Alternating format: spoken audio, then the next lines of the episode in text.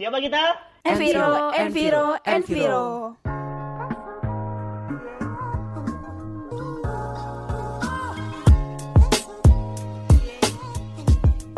Hai Eve. Kembali lagi nih sama kita di podcast HMTL UNER. Kali ini yang bakal nemenin kalian di episode kita ada aku, Afisa, dan Dan aku Ilham dari E EV12.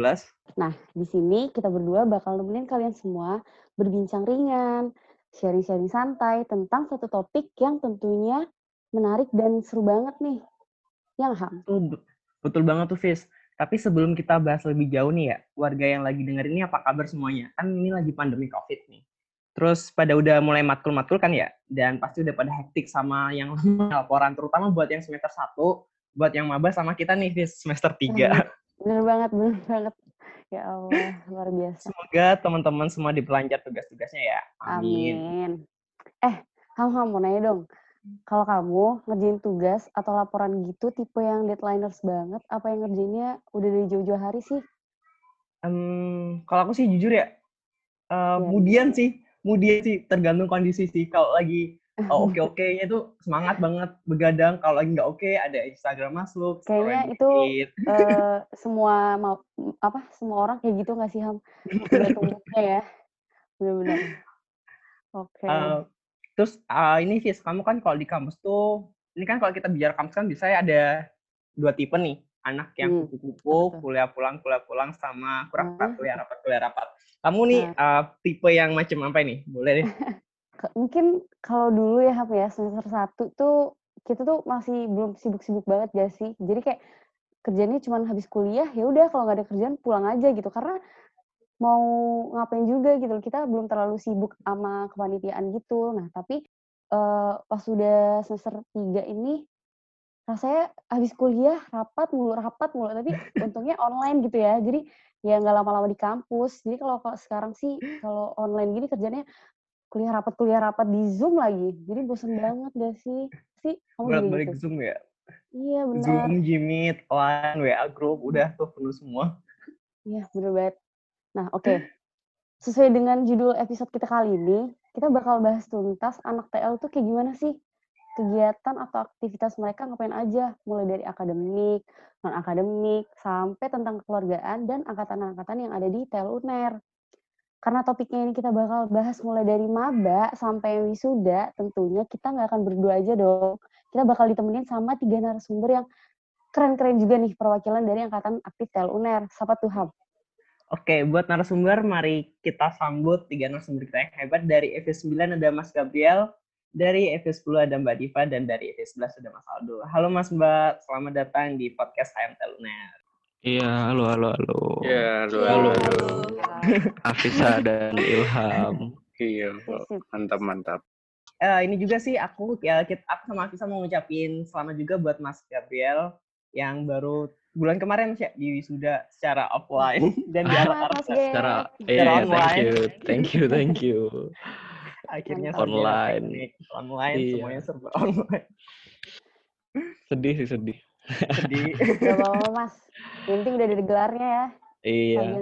Mantap.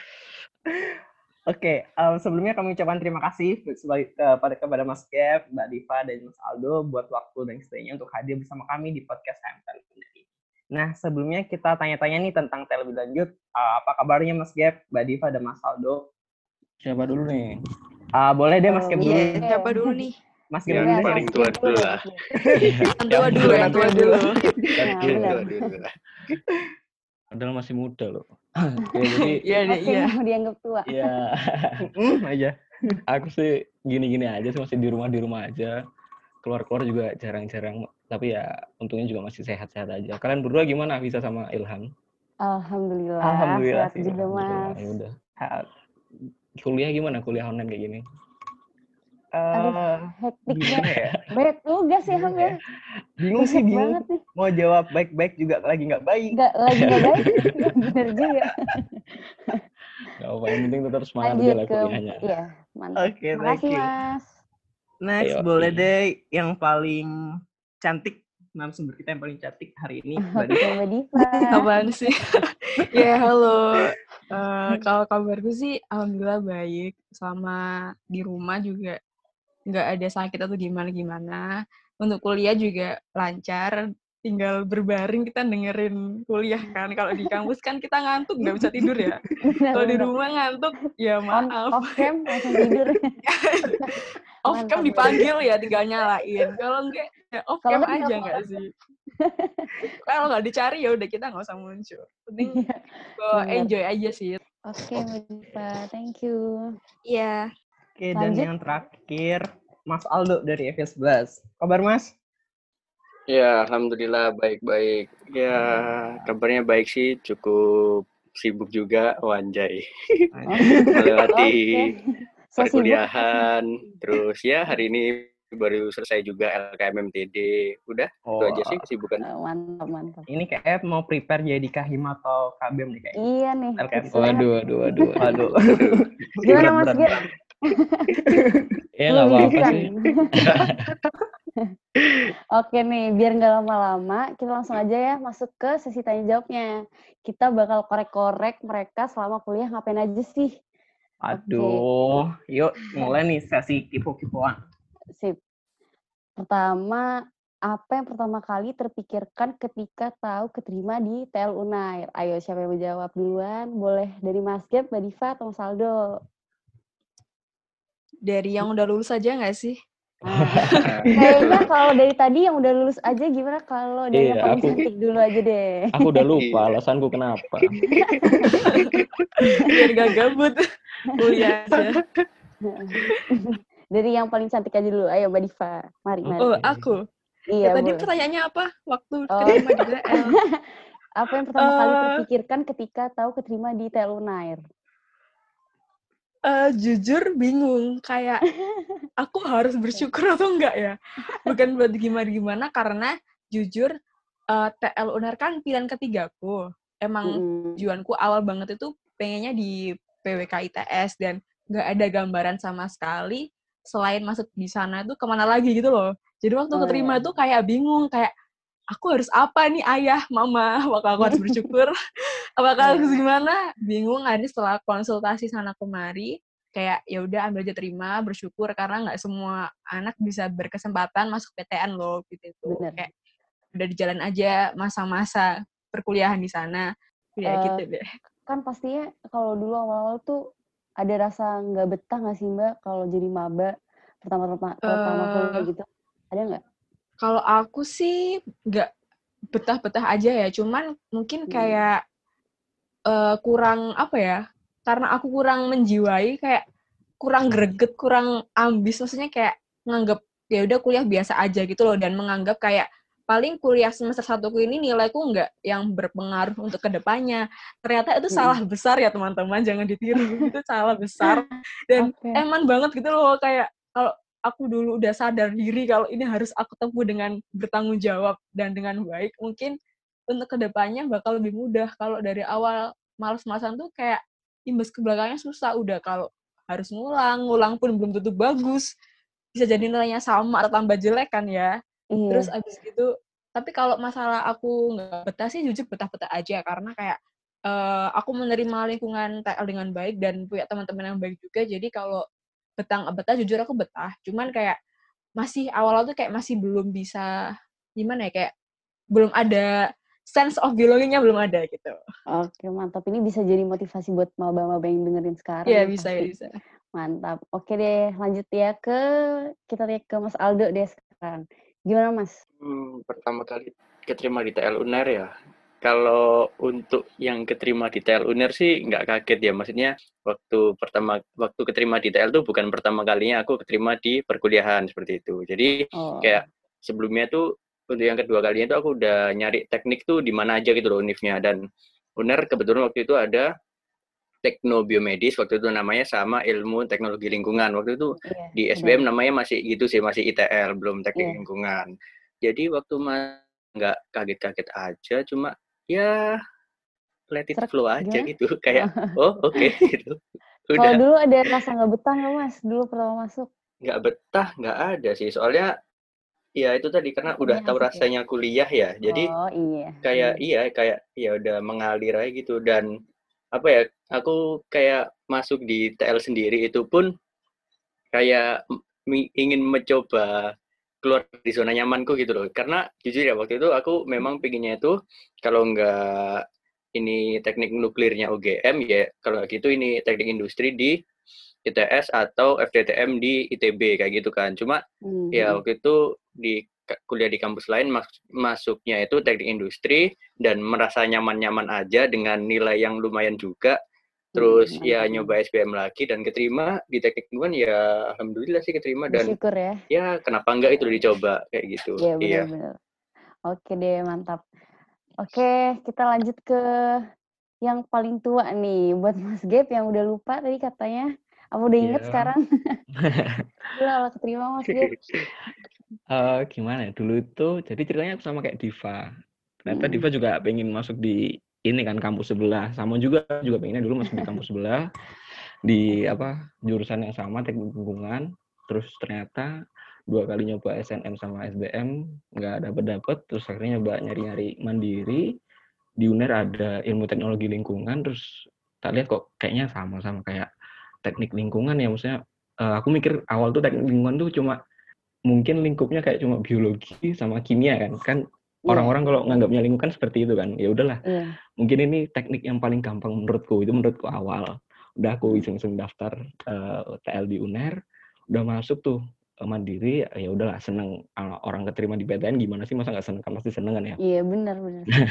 terus ya udah mulai ngejalanin kuliah tuh terus ngeliat kayak roster atau mata kuliahnya loh kok dilihat-lihat banyak fisikanya terus banyak matematikanya terus ya udah dijalanin aja ternyata Iya. selama selama berapa satu tahun lah satu tahun atau satu tahun semester satu semester dua itu aku masih struggle gitu masih masih eh, ya Penyesuaian gitu ya. Mas. penyesuaian itulah tapi kalau buat yang lingkungan sama teman-teman sih untungnya aku cuma aku tipe orang yang bisa gampang buat cepat berbaur sama orang-orang gitu sih jadinya enak aja Itu yang ngebuat betah ya Mas ya jadinya. nah iya itu Iya sih, teman-temanku juga asik-asik semua sih untungnya Oke deh. Oke cukup gitu aja ya. Ah, iya Gimana Ilham selanjutnya? Apa nih? Kepo Hmm. apa nih? Kepo ini sih eh, ke Mas Aldo dulu deh coba. Mas Aldo udah siap belum buat pertanyaan selanjutnya? oh siap siap siap Ini sih Mas, eh, ini kan yang lagi hot-hotnya sekarang kan tentang laporan ya, buat yang maba sama buat yang semester 3. Ini dulu Mas Aldo ngejalanin praktikum dan laporan tuh gimana sih di semester 1, 2, dan 3 itu?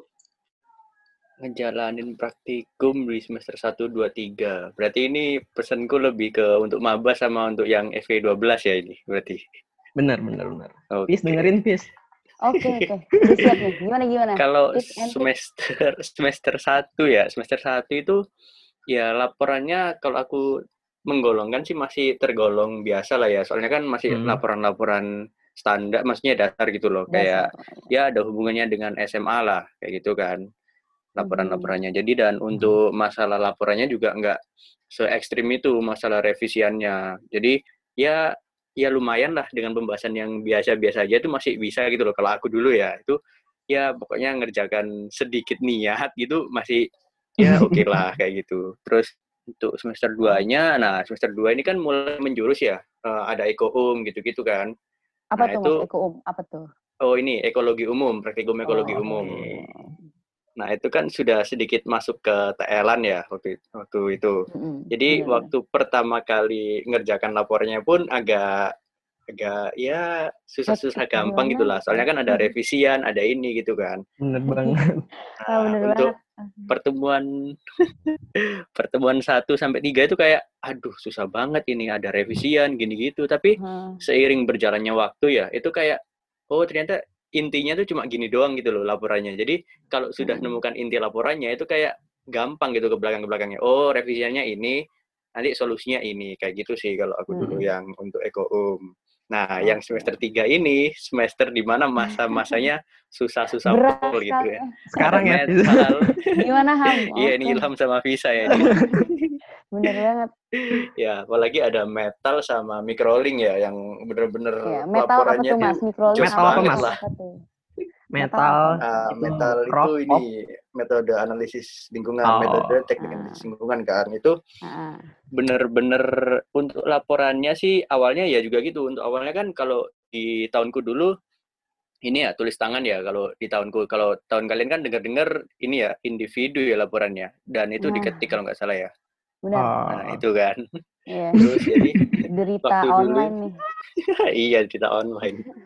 Jadi waktu dulu waktu awal denger ah laporannya ditulis kayak wah ini banyak lagi dari awal sampai akhir tuh ditulis semua kan waktu itu metal. Hmm. Jadi untuk awalnya sih ya sama kayak Eko Um tadi kayak Hmm. pertemuan 1 sampai 3 itu kayak ya kaget-kagetnya lah tapi seiring berjalannya waktu juga lama-lama terbiasa gitu kayak Udah terbiasa gitu Mas ya sama iya gitu. bener udah iya udah terbiasa gitu jadinya untuk ngerjain laporan untuk yang metal terus yang kedua itu kan ada mikrobiologi lingkungan ya Iya benar. itu praktikumnya nah untuk yang tahunku untungnya itu laporannya kelompokan dan yang tahun ini Hmm. denger-denger individu ya laporannya? Iya, eh, kita balik ke pak, ya. kita balik ke pakai bu gambar empat lagi. Kayak semester biologi satu lagi berarti ya. Bener. Emang. ya.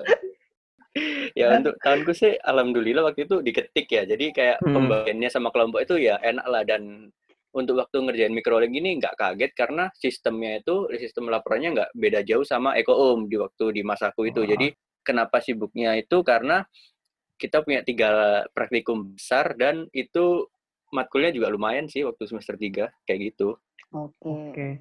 Kalau kamu gimana sih semester 1 sama 2? Yang tahun sama kemarin. tuh ya dijalanin aja gitu ya Ham ya kayak Hmm. ya udah oke aja gitu tapi pas sudah nyampe semester tiga itu rasanya ya Allah luar biasa sekali ini untung tangannya masih utuh aja ya masih Eh, bisa tapi ini aku udah nulis. kapalan. Ini udah kapalan semua. Kan. udah deh semangat aja buat kita oke ya semangat semangat lanjut nih lanjut nggak Ham kita mau lanjut nih, lanjut, lanjut, lanjut, lanjut. Lanjut ke Mbak Diva ya Mbak Diva halo Mbak Diva masih tersambung kan kita masih Iya, semangat ya iya masih. Oh, Mbak Diva Ini- dulu di TL kita bisa jadi asisten dosen saat praktikum kan kalau nggak salah dulu Mbak Diva jadi asisten dosen metal bukan ya Iya kan? bener. Nah, oke. Seberapa penting sih Mbak jadi asdos dan manfaatnya apa aja tuh? Boleh sharing? Benefitnya banyak sih. Pertama yang paling penting kita jadi deket sama dosen ya.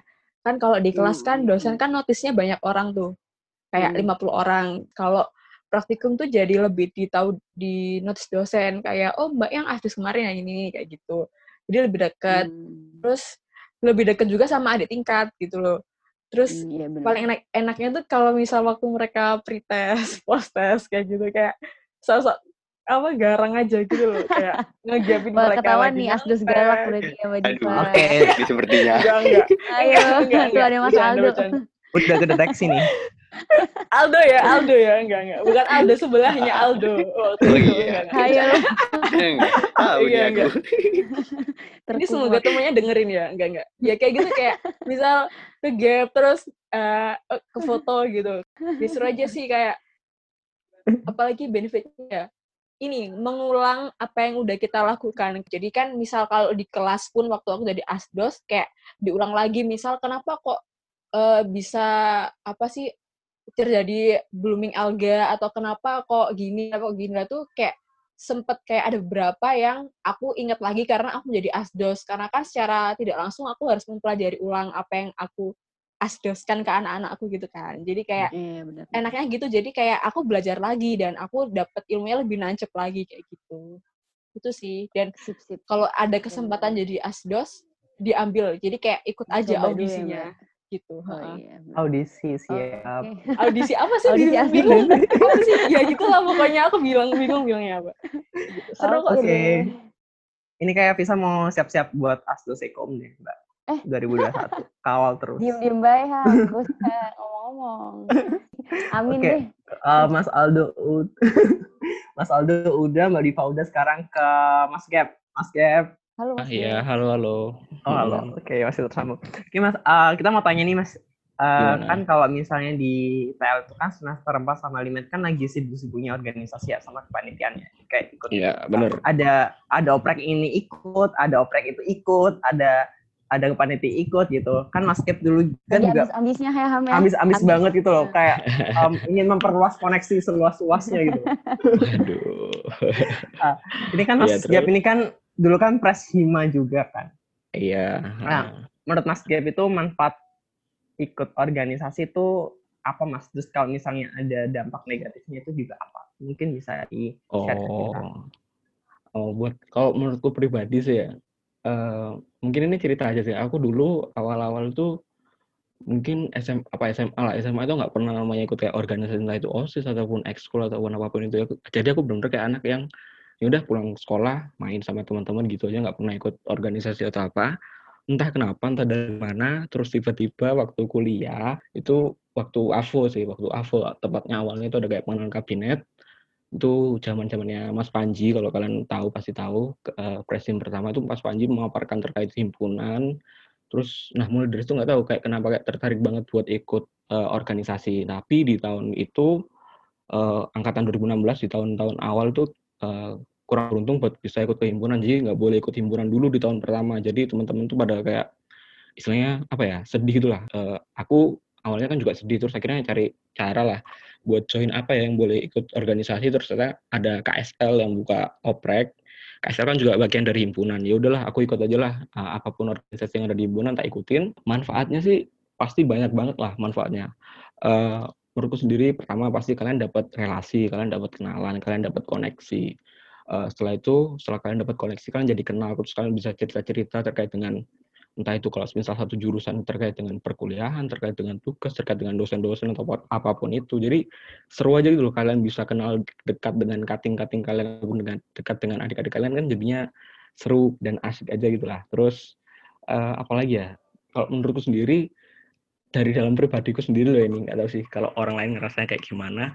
Ketika emang udah bisa join eh, organisasi itu kayak benar-benar bisa memanajemen diri itu lebih baik lagi karena kan di organisasi kan dituntut buat eh, kayak harus ikut rapat terus harus nyusun proker harus nyusun agenda nah dari situ tuh kita bisa dilatih buat ya itu tadi kayak ngatur diri kita biar kita tuh menjadi orang yang lebih teratur lagi nah itu yang tak rasain bener-bener kerasa banget di aku tuh yang itu tadi terus kalau keru apa ya tadi pak kerugian ya atau kayak gimana Ah, ah, Fis? kerugian Iya, heeh, dampak negatif lah kalau misalnya bisa dampak negatif ya.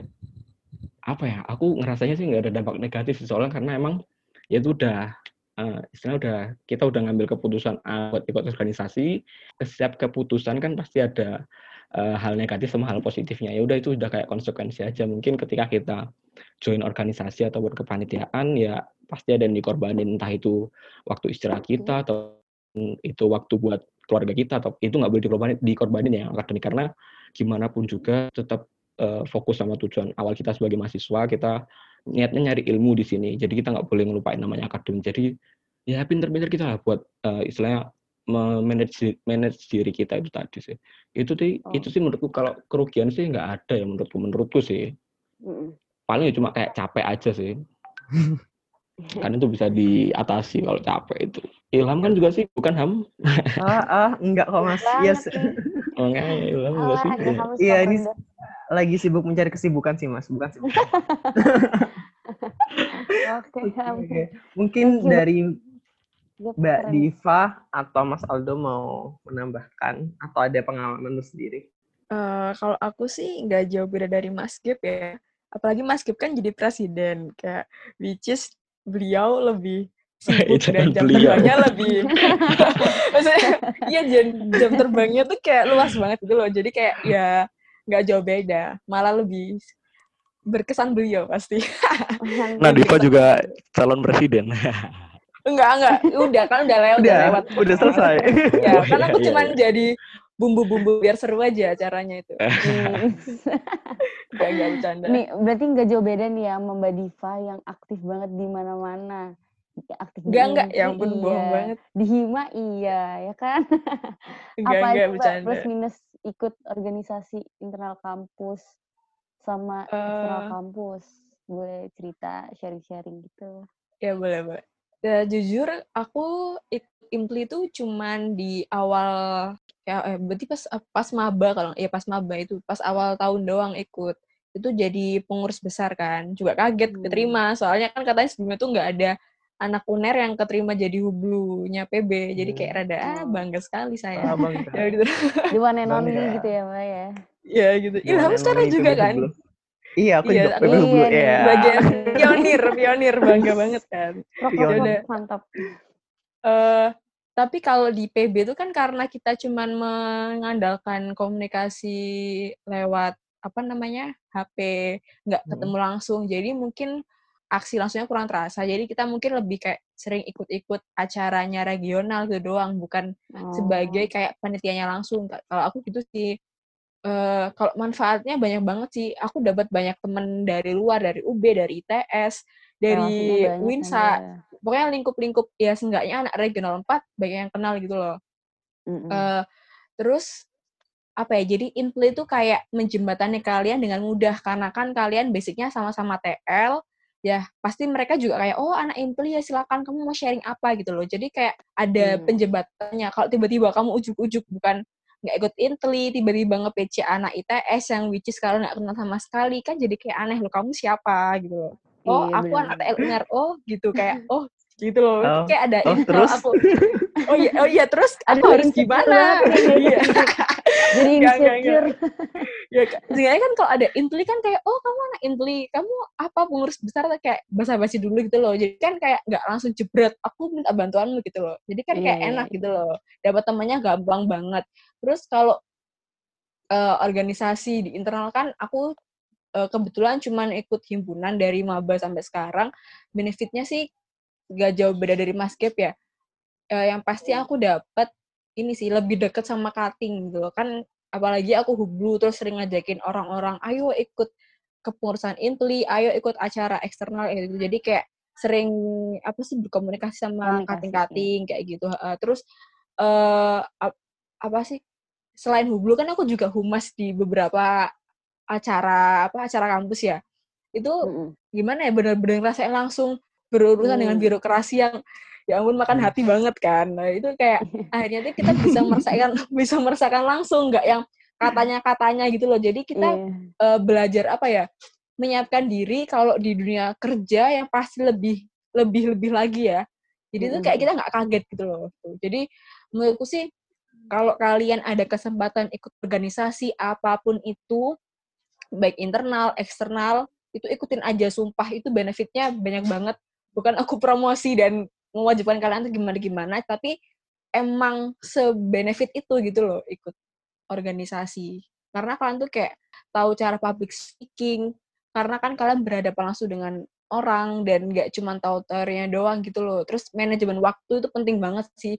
Apalagi kalau Hmm. kalian kayak Ilham ya sibuk di mana-mana gitu. Nah itu kan oh, Astagfirullahaladzim. ya itu kan kayak bener kan Ham jadinya kayak kalau kamu tuh nggak ngerasain manajemen waktu tuh gini gini gini tapi nggak direalisasikan tuh nol gitu loh ya kan karena Bener, bener, bener, bener. merealisasi merealisasikan itu nggak segampang itu loh gitu loh kalau kamu bener. pengada waktu mumpung kuliah maksud aku mumpung kuliah belum kerja biar nggak telat gitu loh Nggak kaget juga ya. Bener. iya biar nggak kaget Tapi emang, tapi emang bener sih kata Mbak Diva itu, soalnya kita itu Iya, banyak kan pinter banget kalau bikin rencana gitu loh, Kak. Misalnya hari Iya, Senin bener, bener. gini, gini, gini, selasa mau gini, Iya, gini, bener gini. Ternyata waktu hari H Heeh. Gagal semua. gagal semua karena kayak ngandelin teori doang. Kita nggak pernah Bener. belajar langsung gitu loh. Lah mumpung ada organisasi kepanitiaan atau apa pun itu manfaatkanlah sumpah. Apalagi ya mungkin ada maba-maba yang dengerin kesempatan kalian jangan sampai juga ya. Kayak misal nih eh, kan jujur kalau di akhir-akhir mau lulus ini kan kalian pasti bikin CV ya. Eh, Iya, persiapan ntar misal dunia kerja atau gimana. Ntar misal ada teman kalian kayak iri enak ya kamu eh, pengalamannya banyak. Terus aku, aku batin loh kamu dulu kenapa ada kesempatan ini ini nggak diambil kayak gitu coba. loh jadi Iya, bener. jangan jangan sia-siakan gitu loh rajin-rajin kalian mencari dan aktif gitu Oke, berguna. Ini golden wish banget dari Mbak Diva sama Mas Kit.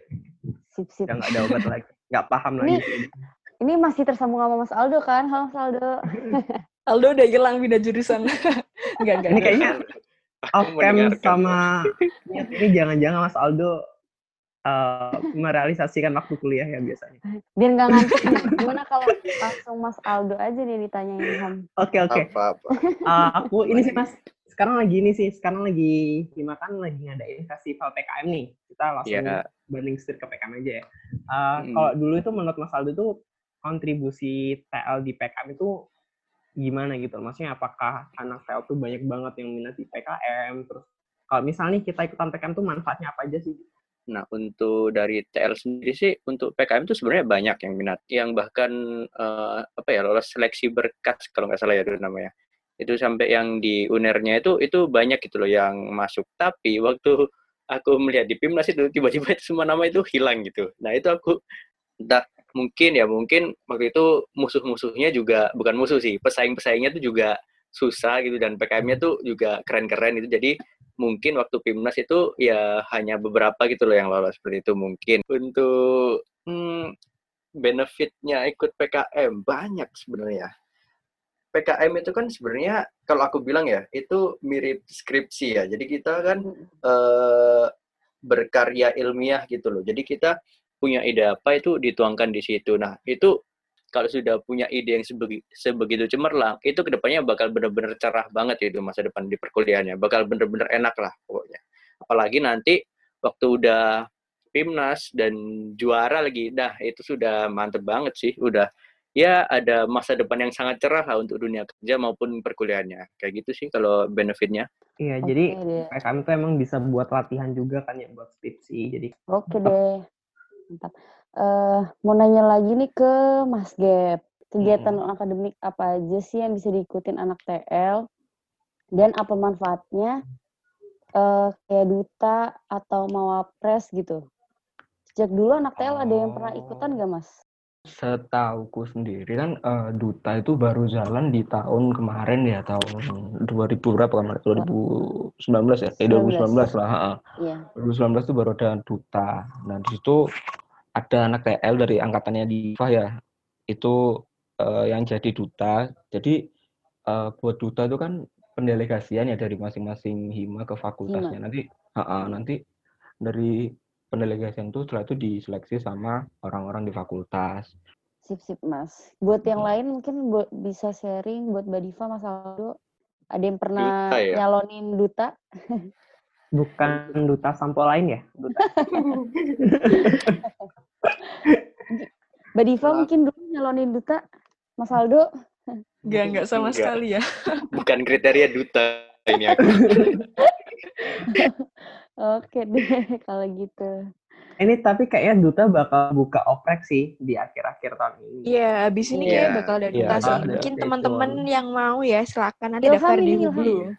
Ilham. Ya, Ham, kamu kalau mau daftar di aku ya. Ntar Hublu mencari orang-orang mau jadi duta kok.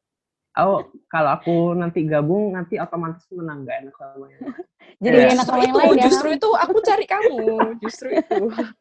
Jangan-jangan mencoreng nama baik nanti. Enggak dong, dicoba dulu. Oke, okay, uh, eh, terus selanjutnya ya ke Mbak Diva lagi. Mbak Diva masuk lagi dong. Oh iya iya, apa nih? Ini Mbak, aku mau tanya tentang tubes nih. Tugas besar, deng deng deng deng deng. Oh uh, iya, kenapa tubes? Semester 6 sama 7 kan ya? Ini Mbak Diva ini semester 7. Ayo. 7 kan sekarang ya? Iya, 7. 7. semester 1 sih. Adik dong nanti aku manggilnya. Oh, iya, nggak apa-apa, silakan. Iya, masih belum. Iya, masih belum. Siap, maaf, masih belum. Udah mau tanya tentang tugas tugas besar kalau di PL tuh tugasnya tuh ada apa aja sih mbak? Terus nanti pengerjaannya tuh individu atau per kelompok? Terus susah apa enggak gitu? uh, gimana ya? Seru-seru aja sih sebenarnya. Ada seru-seru aja. Um, uh, bingung bilangnya gimana. Susah banget juga enggak cuman uh, teorinya ada uh, baceman cutting juga ada. Tapi kita tuh nggak tahu itu tuh bener atau enggak gitu loh. Paham nggak sih? Jadi kita tuh kayak apa kayak sih, bingung. oh ya bingung. Ini jadi tuh besar kita tuh di semester 6 itu ada namanya spam dan spap. Spam hmm. itu sistem penyediaan air minum. Spap hmm. itu sistem apa ya p-nya ya? Pokoknya air buangan gitu loh. Jadi kita kayak membuat uh, pipa. Kalau air minum tuh gimana dari mulai dari reservoir sampai rumah warga. Terus atau kalau PB pub eh, pub itu berarti kayak misal kalian dari air kotor kalian kayak keselokan itu gimana distribusinya sampai ke uh, pengolahan air limbahnya kayak gitu loh pokoknya. Hmm. Sebenarnya gampang-gampang susah. Susahnya tuh lebih ke gini loh, nggak ada asistensi, nggak ada asdos. Jadi kita kayak bingung yang kita kerjakan ini bener gak sih kayak gitu. Nggak tahu pandangan pasti mana yang benar mana yang enggak gitu. Hmm. Kalau di semester 7 itu ada namanya PB PAM dan PB PAP itu kepanjangannya apa ya Mas Gap? Aku lupa. itu kayak perencanaan ini loh bangunannya, bangunan Iya, eh, ya bangunan Perencanaan bangunan pengolahan air minum sama pengolahan air minum dan pengolahan air limbah. pengolahan air limbah. Iya gitu. Perencanaan Jadi kayak kalau yang semester 6 itu lebih ke pipa pendistribusiannya, lebih ke salurannya. Kalau yang semester 7 itu ke bangunannya gitu. Iya, iya gitu. Oh. Jadi lebih ya makasih Mas Gap, aku tahu. Di semester 7 itu kayak lebih detail lagi sih karena kan kayak eh, air minum tuh berarti kayak yang di PDAM-nya tuh gimana biar ngolah air biar jadi yang sesuai kriterianya tuh gimana gitu. Terus kalau yang kemarin yang spap spap di semester 6 itu kita ngerjainnya individu.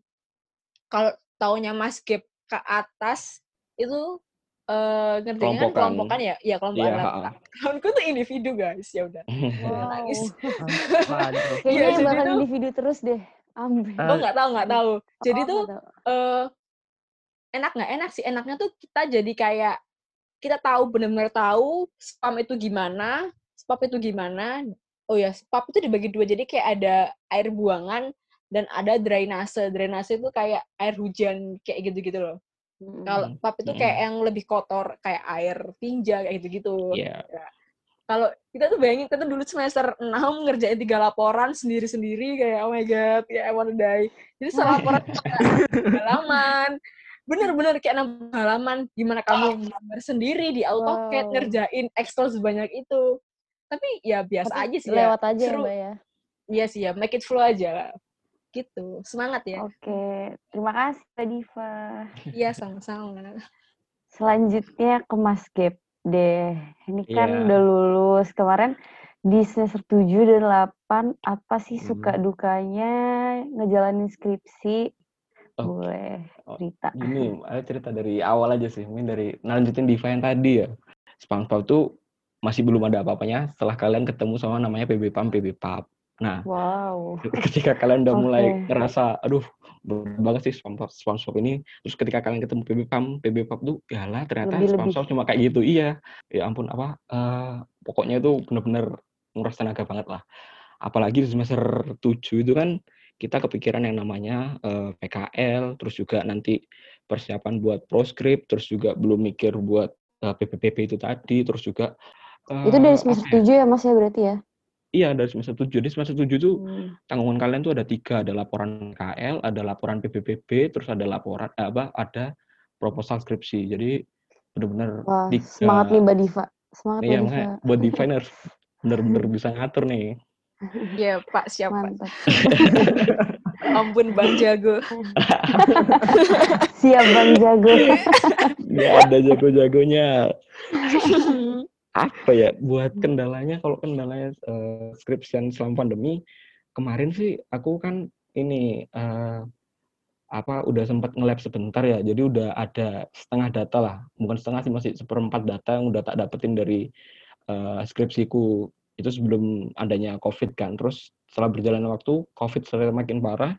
Akhirnya dosenku memutuskan buat untuk ya udah nggak usah ngel- ngelanjutin lab kalian apa libur dulu aja. Ya udah aku libur, cuma dapat sempat data tuh. Nah, eh selama berapa bulan ya? Dua bulan mungkin, dua bulan atau tiga bulan atau dua bulan lah Hmm.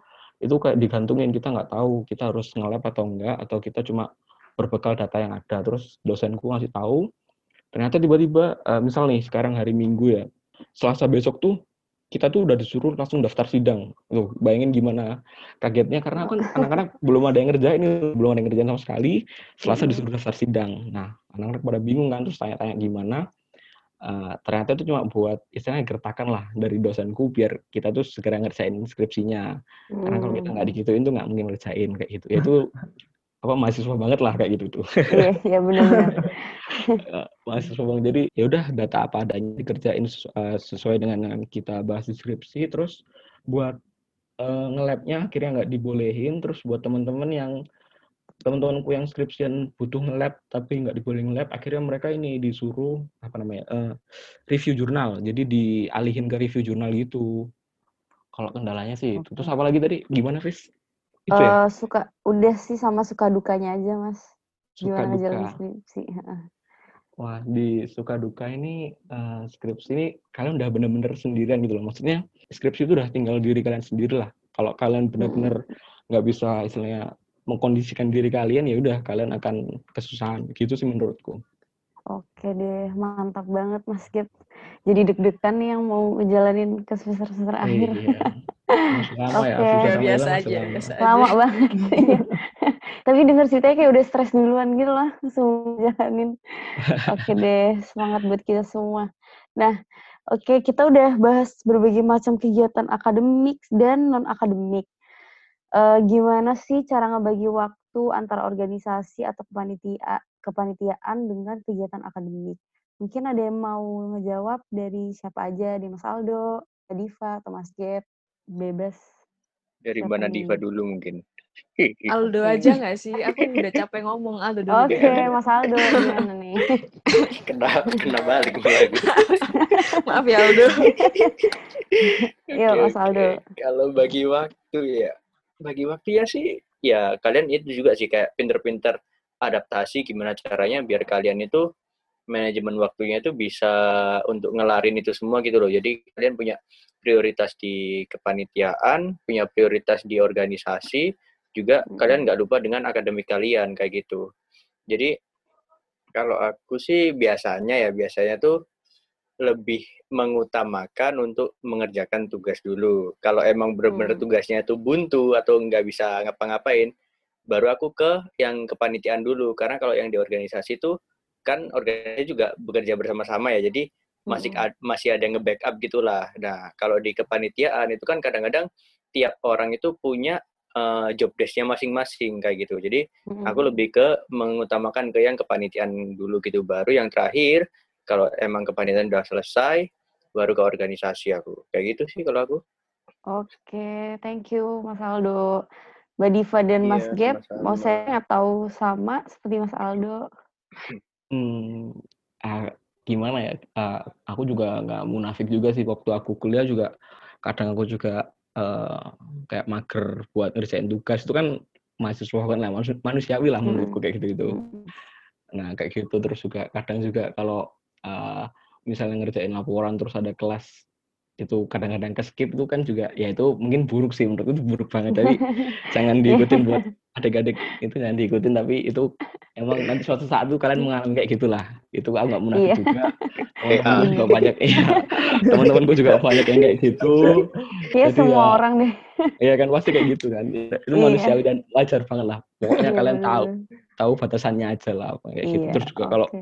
batasin manajemen waktu ya itu tadi pokoknya kalian usahain. Misalnya kalau hmm, ini sih kayak buat timetable lah. Tiap hari ataupun tiap minggu tuh kalian buat timetable kalian selama satu minggu tuh kalian ada tugas atau penanggungan apa itu kalian harus tulis di timetable itu biar nanti kalian tuh lebih teratur sih kalau aku sih kalau gitu kayak gitu sih caranya jadi Wah, baik-baik. buat buat Oke. timetable kayak gitu sih gitu Oke, thank you sarannya Mas Gap. Mbak Diva? oke Eh, kalau aku sih sebenarnya lebih ke make it flow aja ya.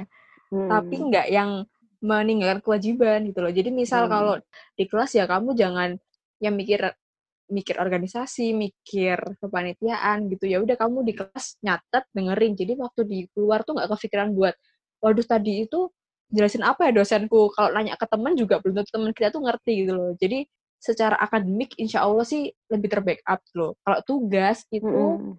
eh jujur aku tuh kadang-kadang lebih ke deadlineer ya. Jadi kayak mepet-mepet dulu biar bisa senam jantung. Jadi kayak ya udah sebisanya aja sih kayak penting terkerjakan cuman nggak yang terlalu ambis gitu loh. Penting ada nilainya kan. Kalau ambis kan Hmm, juga nggak baik kasihan teman-temanku nanti. ya enggak enggak bercanda. Oke, Mbak Diva. Pokoknya iya terkerjakan aja dengan baik. Sip, sip, sip. Oke, Ilham. Oke, gini, eh, ini kan berhubung udah ada empat angkatan ya, eh, bener empat angkatan ya, empat angkatan Iya. Dari FE9, 10, 11, 12. Eh, ini sih aku mau dengerin masing-masing suka duka di masing-masing semester. Mungkin, hmm, boleh deh, Afisa dulu deh. Sebenarnya kalau dibandingin sama yang udah sesepuh-sesepuh ini, kita nggak ada apa-apanya ya, Am ya. Suka Dukanya Masih ini ya, masih noob. masih, iya masih noob banget. Jadi kayak ya dibawa happy aja sih sebenarnya. Mungkin kalau Ilham gimana? Kalau aku sih dulu ini Fis, kalau aku dulu tuh di semester 1 sama 2 itu kan kita ada pelajaran matkul yang gabung sama prodi lain kan, kayak misalnya kalkulus, fisdas gitu kan. Hmm. Gitu tuh su- suka ini suka suka apa ya? Suka insecure gitu sama jurusan lain, apalagi kalkulus kan. Ini kok ini orang maju mulu, aku nggak aku nggak pernah maju. Iya bener banget. Ini Kirain kira bagus kita dari se- kalkulus Kayaknya emang nggak masalah di setiap angkatan deh. Kalkulus. kayak paling ya udah kamu mau maju silahkan kita duduk aja gitu. Silakan ambil silakan. TL tuh Iya, ya nggak sih bener. Mas Gap? Iya, iya bener. Ya kan? Iya. Itu nggak sombong, itu biasa aja. Gitu. Lebih tuh ini merendah, ya, Iya. bahasa kerennya Rendah. nggak sombong kita. Iya nggak Iya. sombong. Kata Sebenarnya kita profesor mah ya jago udah dari biarin mereka. aja. Sebenarnya kita lebih jago sebenarnya. Kasih, Jago. kasih taunya di belakang ya, kita- kasih taunya di Iya. belakang. Oke, mantap. Tiba-tiba ngulang lagi. Nah itu sih diam-diam menghanyutkan. Mendalami, mendalami. Udah. Mendalami Iya, bener. astagfirullahaladzim. Jadi dua tahun eh ini tiba-tiba jangan dip, dicontoh nih. tiba-tiba cek. Takut ada maba-maba yang kedoktrin omongan kita. Jadi Enggak, contoh, enggak. jadi contoh. Gak Nggak gitu adik-adik. Enggak, enggak, enggak, gitu. Ah, Tergantung ini cuma dosen, tergantung dosen. Iya Iya. bener. tergantung Harus dosen dan. Ya. dan buku bacaman dari cutting ya. Soalnya di sana di sana ada jawabannya juga buat maju ke depan. Nah itu masalahnya cuttingmu nggak ada yang bisa. Nggak ada baceman. maaf maaf nih ya. sorry sorry tuh sih. Oke lanjut dari- mungkin ke Mas itu Aldo nih. aja. Mas Aldo boleh semester 45, Mas. Ya bener sih kata kating-kating kalau semester 4 5 itu bener-bener semester yang dikatakan paling gabut ya dari semester 1, 2, 3 maupun di atasnya. Karena emang yang pertama kita bener-bener udah lepas dari Praktikum. praktikum. Yang kedua ya mungkin kita tinggal kayak ngikut-ngikutin apa kayak kepanitiaan mungkin atau organisasi kayak gitu kan sisanya. Terus sebenarnya sih dibilang apa ya gampang itu juga enggak karena untuk dari segi mat kuliah sendiri itu juga lebih susah dari semester 1 2 3 gitu loh. Kayak hitungannya juga bakal lebih mantep lagi gitu-gitu. Terus untuk Hmm. hafal bukan hafalan sih kayak pendalaman kayak materinya pemahaman materinya itu juga bakal lebih dalam lagi gitu. Oke. Bisa lanjut mungkin ke Mbak Nadifa semester 6 7. Eh, kayaknya ini semester paling berat ya. Enggak enggak.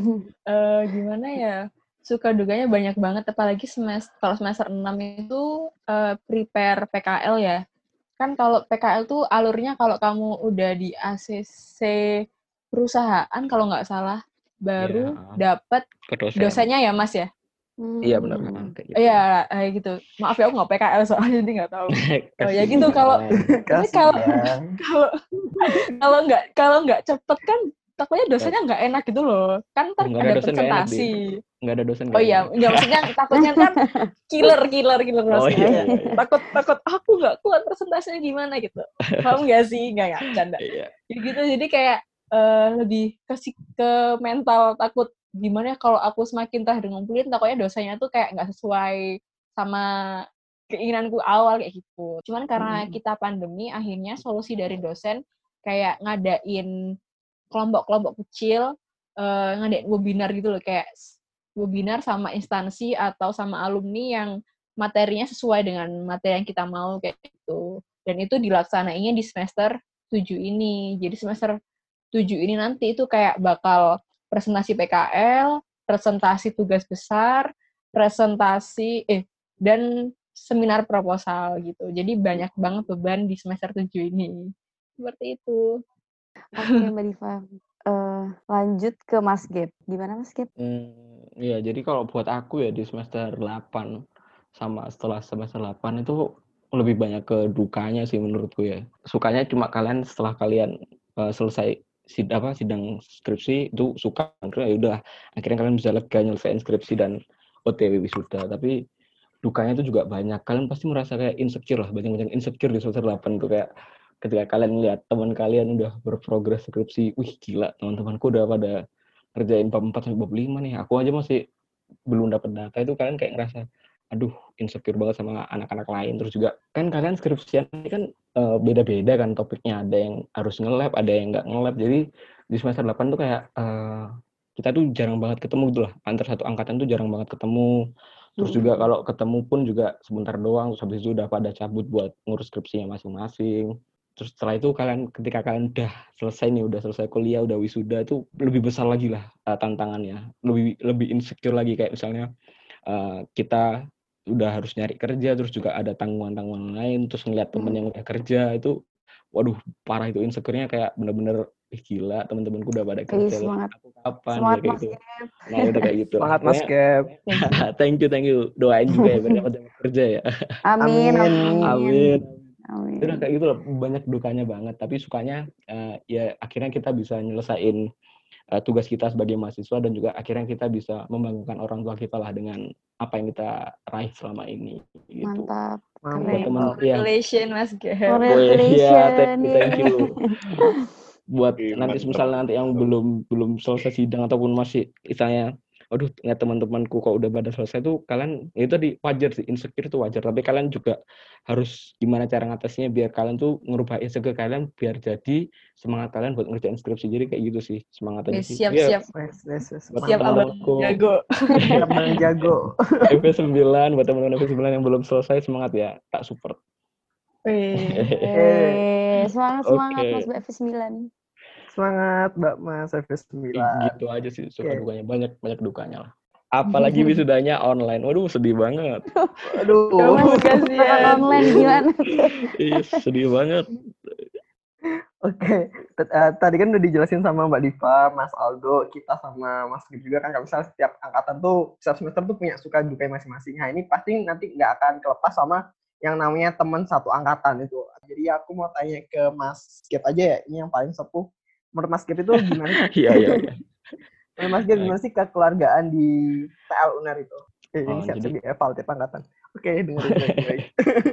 nggak nggak dihafal bagus kok angkatan TL lunar weh keluarganya sih menurutku juga bagus sih kan udah udah kelihatan juga kan dari awal ketika kita maba kan paling ditekankan kan ini nilai kekeluargaan kita kan TL kan yang paling eh, kelihatan banget kan ke- kekeluargaannya jadi nggak usah ditanyain lagi sih menurutku keluargaan di antara empat angkatan TL ini Hmm. Oke nih, kita lanjut ke hal apa aja sih yang paling berkesan dari angkatannya masing-masing. Boleh ke Mbak Diva? Banyak anjay. Enggak, enggak. Apa ya?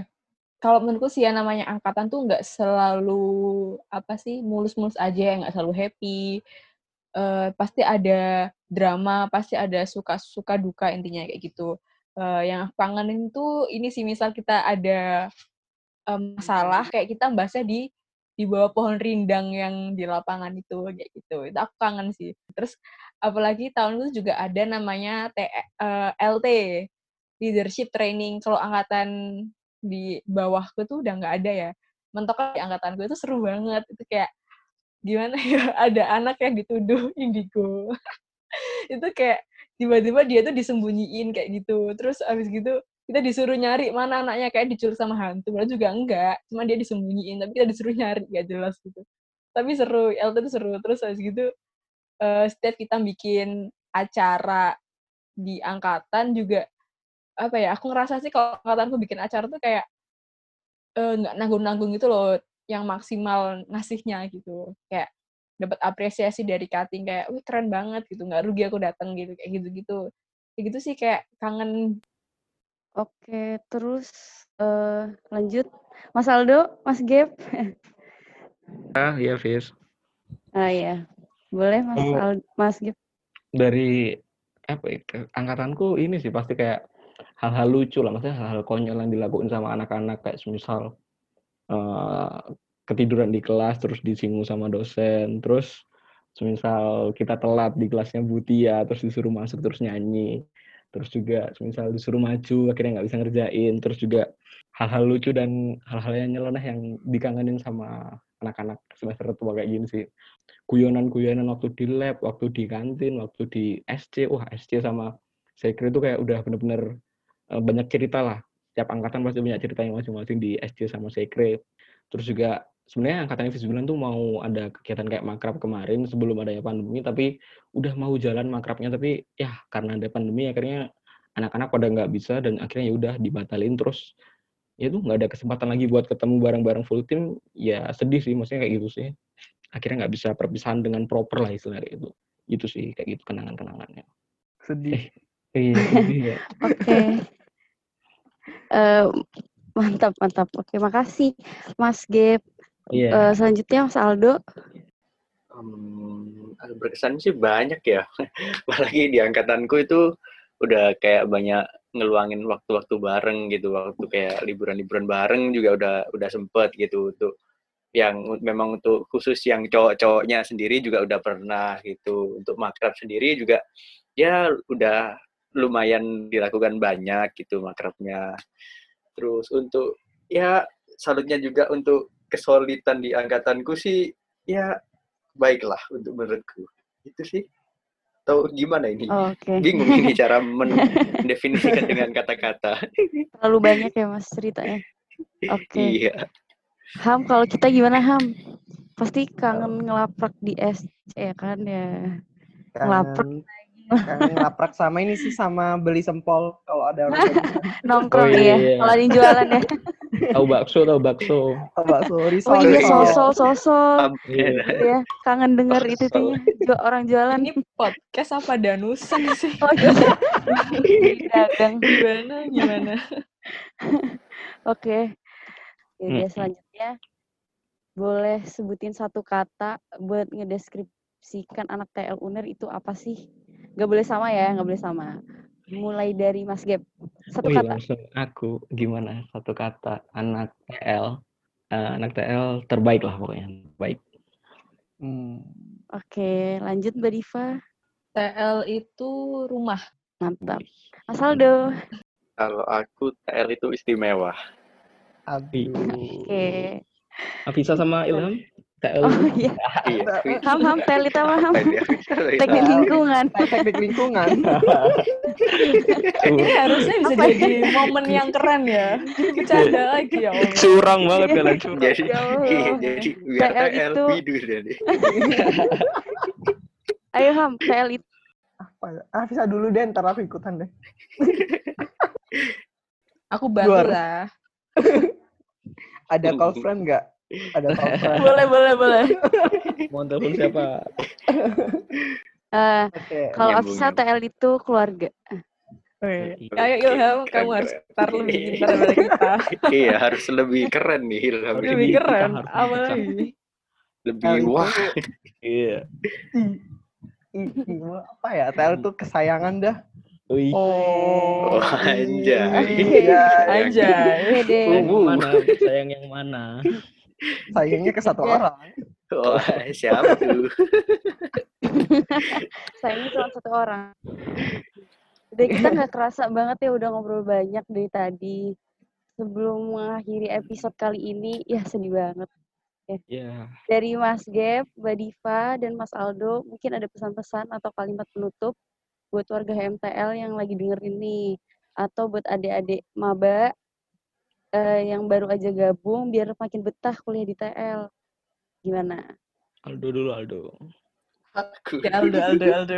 Setuju, Aldo. Eh, tadi aku udah duluan, masih udah duluan Mbak Diva lah gantian. Udah, ayo do, ayo do. Udah Mas Do, Ya. Mas Do, ayo. kesan pesan oke kalau kesan pesan sih untuk eh, apa namanya maba maba TL yang baru masuk dan yang mendengarkan ini ya memang mungkin kalian akan kaget ya akan masa masa perkuliahan. Jelas memang jauh berbeda dari masa-masa SMA tapi ya itulah tantangannya dunia perkuliahan. Tetap semangat aja tetap betah-betah di TL karena ya yang seperti aku katakan tadi TL itu istimewa kok. Udah begitu. Oke, mantap. Lanjut, Mbak Diva. Eh, pesanku sih kalau buat adik-adik maba eh, seperti yang aku bilang tadi selama ada kesempatan di depan mata apa pun itu ambillah gitu loh. Karena nggak ada lagi yang namanya kesempatan kedua gitu. Jangan sampai kalian nanti tuh nyeselnya di belakang. Baik itu kalian ikut organisasi kepanitiaan atau apa pun itu yang menurut kalian positif dan bisa membuat diri kalian lebih baik lagi ambillah gitu loh. Dan buat teman-temanku adik-adikku yang lagi kuliah tetap semangat jangan sampai kendor meskipun ini online karena eh, dosen kalian aja semangat buat ngasih kuliah masa kalian malas-malas aja gitu di rumah dan jangan lupa jaga kesehatan itu aja Oh ya, thank you Mbak Diva. Ya. Yuk Mas Gap terakhir. ya Kalau aku sih pesannya ya buat buat teman-teman pengurus hima itu juga semangat juga. Eh, aku tahu gimana pusingnya eh, kondisi kayak gini waktu ngurusin hima itu kayak gimana. Waktu offline aja udah pusing, apalagi online kayak gini pasti pusing banget. Jadi tetap semangat. Kalian di situ ngemban amanah dari warga, jadi tetap kerjain dengan setulus hati dan juga profesional. Terus juga buat teman-teman warga yang eh, masih berkuliah dan juga masih menghadapi tugas-tugasnya, eh, emang kondisinya kayak gini lagi, gimana gimana caranya kalian harus tetap bisa semangat dan juga fokus buat uh, mengikuti kuliah. Terus juga buat adik-adikku di tahun berapa berarti sekarang 2020 ya, ada eh, tahun 2020. Uh, semoga bisa cepat adaptasi ya kalian uh, bisa cepat adaptasi dan juga bisa uh, lebih mengenal nanti kakak-kakak kalian. Terus juga uh, saranku kalian juga lebih sering-sering kontak-kontakan kalau misal udah kenal sama cuttingnya itu sering-sering tanya-tanya aja ke cuttingnya. Itu sih tips buat biar bisa lebih bisa bisa lebih nyaman uh, kuliah di TL tuh ya itu tadi semangat semuanya tetap sehat ya thank you Mas Gep iya i uh, sekali lagi kita ucapin buat Mas Gep, Mbak Diva sama Mas Aldo udah nemenin kita udah hampir Wah, satu jam terima ya. kasih. Udah hampir ini kalau misal kuliah udah satu SKS Mas. Iya. Bener juga. Gak kerasa. iya. Gak kerasa.